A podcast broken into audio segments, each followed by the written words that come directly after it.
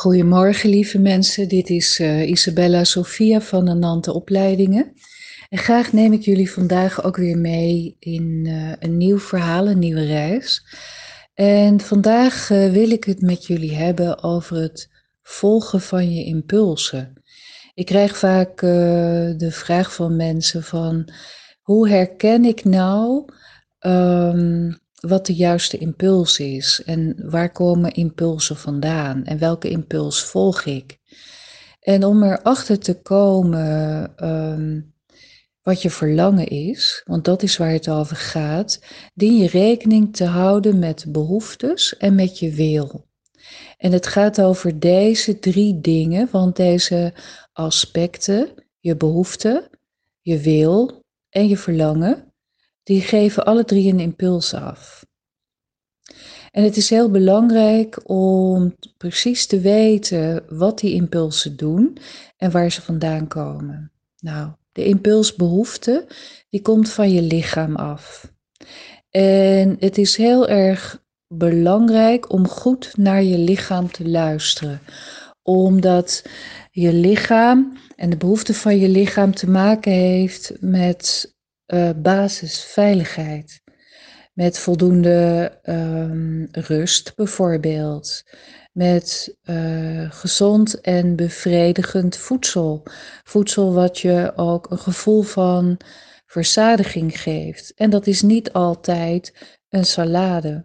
Hè, maar toegeven aan de behoefte af en toe, zonder je schuldig te voelen. Want je lichaam heeft een genotsprincipe en je lichaam heeft het nodig om die bevrediging, die verzadiging te voelen, voordat het kan ontspannen. En je kunt een geweldige reis naar bewustzijn maken en je kunt het allemaal snappen, zolang je lichaam uh, niet in haar behoefte of in zijn behoefte is voorzien, blijft je lichaam in overleven. Dus basisveiligheid, vertrouwen, voldoende rust, een dak boven je hoofd, voldoende geld, uh, uit de zorgen blijven. Al die dingen van de dag, hè, die hebben te maken ook met de behoeften van je lichaam. Dus zorg ervoor dat je goed luistert naar je lichaam zonder in verslavingen te raken. Want vaak um, horen we wel de behoefte, bijvoorbeeld pijn aangeven. Als je lichaam pijn aangeeft, betekent dat je lichaam een behoefte heeft uh, dat jij even aandacht hebt, dat jouw bewustzijn gericht is op dat deel wat pijn doet, zodat het geheeld kan worden, in plaats van dat we ervan wegbewegen. Ja, en dan kan genot de plek innemen van de pijn en dan gaat je lichaam helen. En dan gaat je lichaam vanuit overleven naar leven. Nou, de andere impuls die uit je systeem komt van binnen is die van je wil. En de wil is verbonden met je ego, zeker zolang je nog uh, hier in, op aarde in een lichaam zit. Heb je te maken met je controlemechanisme.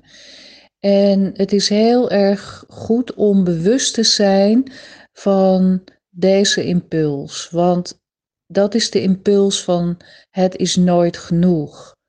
Dus dat heeft te maken dat je nooit helemaal tot rust kan komen, want dan komt dat stemmetje van binnen die zegt, ja, je moet toch eigenlijk nog zoveel doen.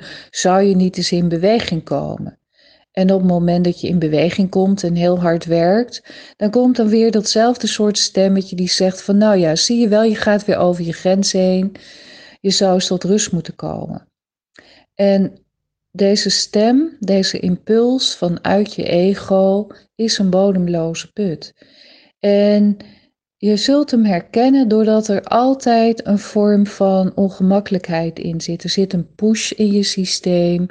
Er zit een gevoel van tekortschieten, een gevoel van schuld, van schaamte, van angst. Ik heb daar eerder al over gesproken. En dat is de impuls die je dus beter niet kunt volgen. Want ook deze impuls leidt naar overleven, naar een voortdurend gevoel van tekort in je lichaam. En dat geeft weer overleven in je lichaam. Dus die twee impulsen, behoeften en je wil, die zijn als het ware met elkaar verbonden. Oké? Het derde impuls die er zit is je verlangen.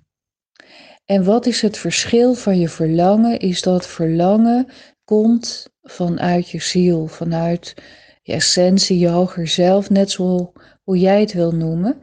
En op het moment dat er een verlangen in je systeem komt, dan gaat er iets aan. Je wordt geïnspireerd. Je wordt ergens enthousiast over. Er ontstaat een vuurtje, een vlammetje in jezelf. En dat is de impuls waar je warm van wordt, waar je warm van gaat lopen, waar je enthousiast van wordt. En het voelt goed. Maar het is vaak ook een beetje spannend, omdat dit soort verlangens, dit, deze impuls vanuit je hoger zelf, altijd meestal een uitdaging in zich draagt die je een beetje spannend vindt. Maar het heeft altijd te maken in doen waar je blij van wordt, doen wat je verlangt. En daar zal je ziel je altijd voor uitnodigen. En wat dan van, wat van belang is, is dat je die impuls volgt. gewoon, je handelt. Dus je voelt hem en je handelt. En wat er dan gebeurt, is dat als je je geïnspireerd voelt, dan gaat je hart erin zitten. Want enthousiasme, inspiratie, ehm, die creativiteit die aangaat, die wakkert het vuur in je hart aan. En als het hartvuur erin zit, dan kan het in de manifestatie komen, want dan komt er bezieling in. Je gaat, raakt bezield. Je raakt bezield door het leven. En dat is wat de impuls verlangen doet. En op het moment dat je bezield raakt, dat de passie erin zit, dan kun je ook je dromen daadwerkelijk um, in de manifestatie en in de realisatie brengen. Want dan gaat je lichaam aan. Want je lichaam voelt de stroom van liefde en van passie. En dat geeft een gevoel van genot en plezier, van enthousiasme. En dan heeft je ego geen stem meer. Maar de moed om die impuls te volgen zonder er eerst over na te denken. Want als je controlemechanisme er weer ingaat, dan komen er zoveel jamaars dat de inspiratie als het ware weglekt. Nou, dat is eigenlijk een beetje zo het idee. Impulsen volgen, volg je verlangen. Want je verlangen komt altijd vanuit je hart, vanuit je ziel. En je hart brengt je thuis. Nou, ik wens jullie heel veel succes om dit weer eens gaan uit te vinden. Pas het gewoon eens toe en kijk welke wonderen er gebeuren als je je impulsen gaat volgen. Maar dan moet je wel zorgen dat je de juiste impuls volgt. Heel veel succes mensen en tot snel. Dag!